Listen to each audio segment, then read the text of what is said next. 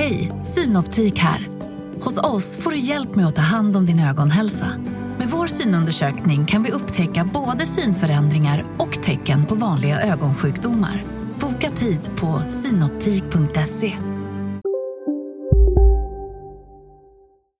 Hej och välkomna till Lisa läser. Det är jag som är Lisa. Och idag läser jag del 7 av När tomten föll ner från himlen. Jula? Ingen öppnade när Bengt knackade på dörren. Han har kanske gått på en promenad, sa Charlotte. Eller gör inte jultomtar det? Återigen nafsade Stjärnskott henne i håret. Hon föste bort hans fuktiga mule och såg sig omkring. Ingen Jula så långt ögat kunde nå. Bara en tjock man som kom gående på trottoaren med famnen full av paket. Innan Charlotte hann att blinka gick han rakt in i Stjärnskotts osynliga bakdel. Hoppsan! sa han och tappade i förskräckelsen alla sina paket. Förbluffad såg han sig omkring. Men det enda som kunde verka lite misstänkt var de båda barnen på trappan utanför Julas husvagn. Charlotte drog i Stjärnskotts tyglar. Fort, vi går in! väste hon till Ben. Ben öppnade den färggranna dörren. Inne i vagnen var det mörkt. Bara ett litet stearinljus stod och brann på bordet. Intill stod Julas kaffekopp. Dörren till skåpet, ovanpå vilket änglarna alltid brukade sitta, stod på glänt och en smal ljustrimma föll ut på den slitna mattan. Ben kastade oroligt ett öga bort mot den vita dörren, men den var fortfarande reglad. Konstigt, mumlade han. Nu tittar mannen så där på oss igen, viskade Charlotte. Hon knuffade in Ben i vagnen, följde efter med stjärnskott och smällde igen dörren. Knappt hade renen satt ner hoven inomhus förrän han blev synlig. Vit som mjölk stod den plötsligt där med en juldekoration från varuhuset i hornen och marsipan runt hela mulen. Men titta! sa Charlotte. Vad söt den är! Hmm, muttrade Ben. Stjärnskott slickade honom på näsan. Fast jag undrar om han får vara här inne. Jag vet inte. Charlotte rodnade. Jag tänkte att då springer den inte sin väg. Ben ryckte på axlarna och såg sig omkring. Men här är ju ingen hemma, sa Charlotte häpet. Det sa jag ju. Ben föste undan Stjärnskotts håriga bakdel och gick fram till skåpet som stod öppet. Det hördes konstiga ljud inifrån skåpet. Ett svagt bankande, lågmälda röster, tassande fötter. Hör du? viskade Charlotte. Ben nickade och spanade in genom springan. Det var tänt inne i skåpet. Ser du något? undrade Charlotte men Ben svarade inte. Det han såg kunde fått vem som helst att tappa målföret. Charlotte kikade över hans axel och blev precis lika mållös som Ben. De trodde inte sina ögon. Det gamla skåpet var ingången till Julas julklappsverkstad. Särskilt stort var inte utrymmet där bakom. Knappt större än resten av Julas vagn. Det glänste och glittrade där inne, som i en skattkista. Det luktade trälim och rökelse och rummet var fyllt ända upp till det rödmålade taket med leksaker. Pyttesmå, jättefina leksaker. Leksaker fyllde hyllor, trälårar och korgar, hängde i nät i taket eller flög omkring i luften på små mattor som inte var större än näsdukar. Mycket av det kunde man bara skönja svagt i skenet från stearinljusen inne i verkstaden. Där fanns hundratals stearinljus. Men det var bara ljusen vid nissarnas arbetsplatser som var tända.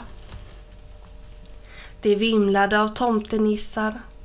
En del av dem hamrade och filade, sågade och limmade vid en arbetsbänk som såg ut att vara alldeles för stor för dem. Andra stod uppe på hyllorna och slog in dvärgleksakerna i färggrant silkespapper. Andra åter stuvade undan det som var färdiginslaget för att bereda plats för mer. Mitt i myllret satt Jula i sin slitna tomterock.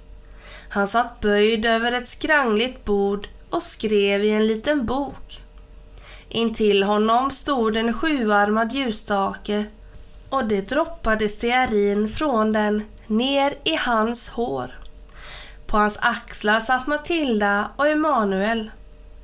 Vem vet hur länge de båda barnen skulle ha stått där med hungriga blickar och förundrats om inte Stjärnskott hade slickat Ben på näsan.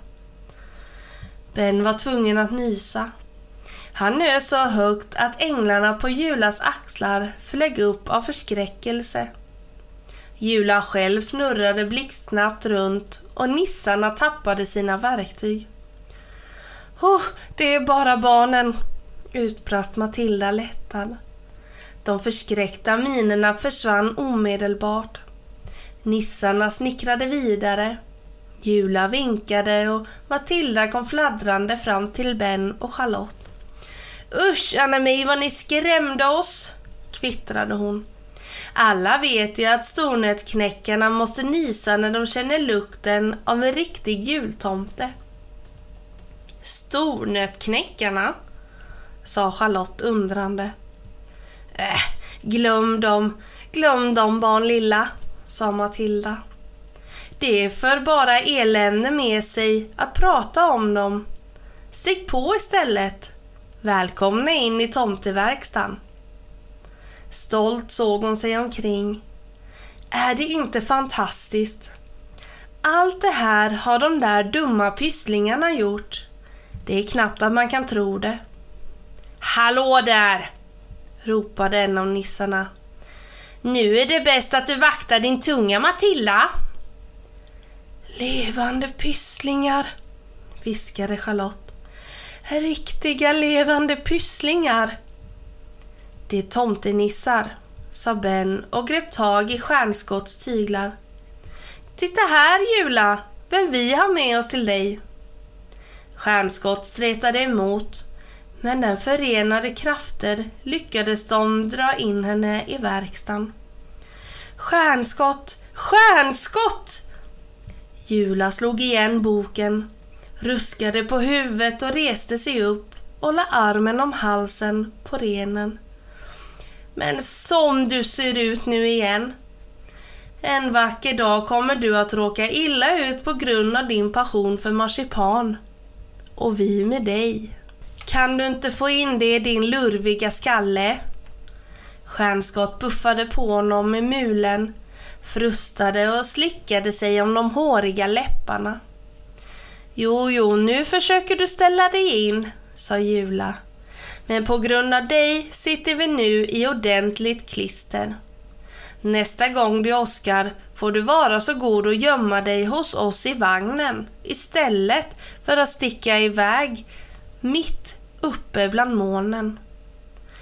Annars kommer de nämligen snart att göra renkorv av dig, skrek Pipskägg och slog hammaren i arbetsbänken. Idag hade redan bankat tre gånger på den vita dörren, sa Matilda till barnen. Ben tittade förskräckt på Jula. Vilken vit dörr? undrade Charlotte. Men Jula satte fingret för munnen och drog med sig barnen fram till en av hyllorna.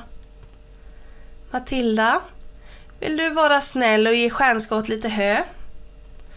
Ah, han blir för fet, grälade Matilda. Titta på honom, han är snart lika fet som sin förre ägare. Hon flög fram till en stor säck och hämtade några halmstrån som hon slängde till Stjärnskott. Här har du, sa hon. Jag önskar att Jula hade låtit dig vara kvar hos Helgerån, den otäckingen. Hos honom passade du bättre. Stjärnskott nafsade efter henne med sina stora gula tänder, men Matilda vek skickligt undan. Såg du Jula? Ska en ren som tillhör en jultomte uppföra sig på det viset va? Nej, säger jag. Nej! Sluta bråka med honom då, sa Jula. Han kan ju inte rå för att han tillhörde Herman förut. Eh, vad är det för en Herman de pratar om? viskade Charlotte till Ben. En, en julrövare, viskade Ben tillbaka och upptäckte att han för en gångs skull hade hittat precis det rätta ordet. Men Charlotte såg ganska förvirrad ut. Slutpratat! ropade Jula. Nu får det vara slutpratat om detta otrevliga ämne. Han tog ljusstaken från bordet och vinkade till sig barnen. Kom nu så ska vi ta oss en titt på julklapparna. Och så tog han dem med sig fram till en av hyllorna. Och snipp, snapp, snut så var detta lilla avsnitt slut.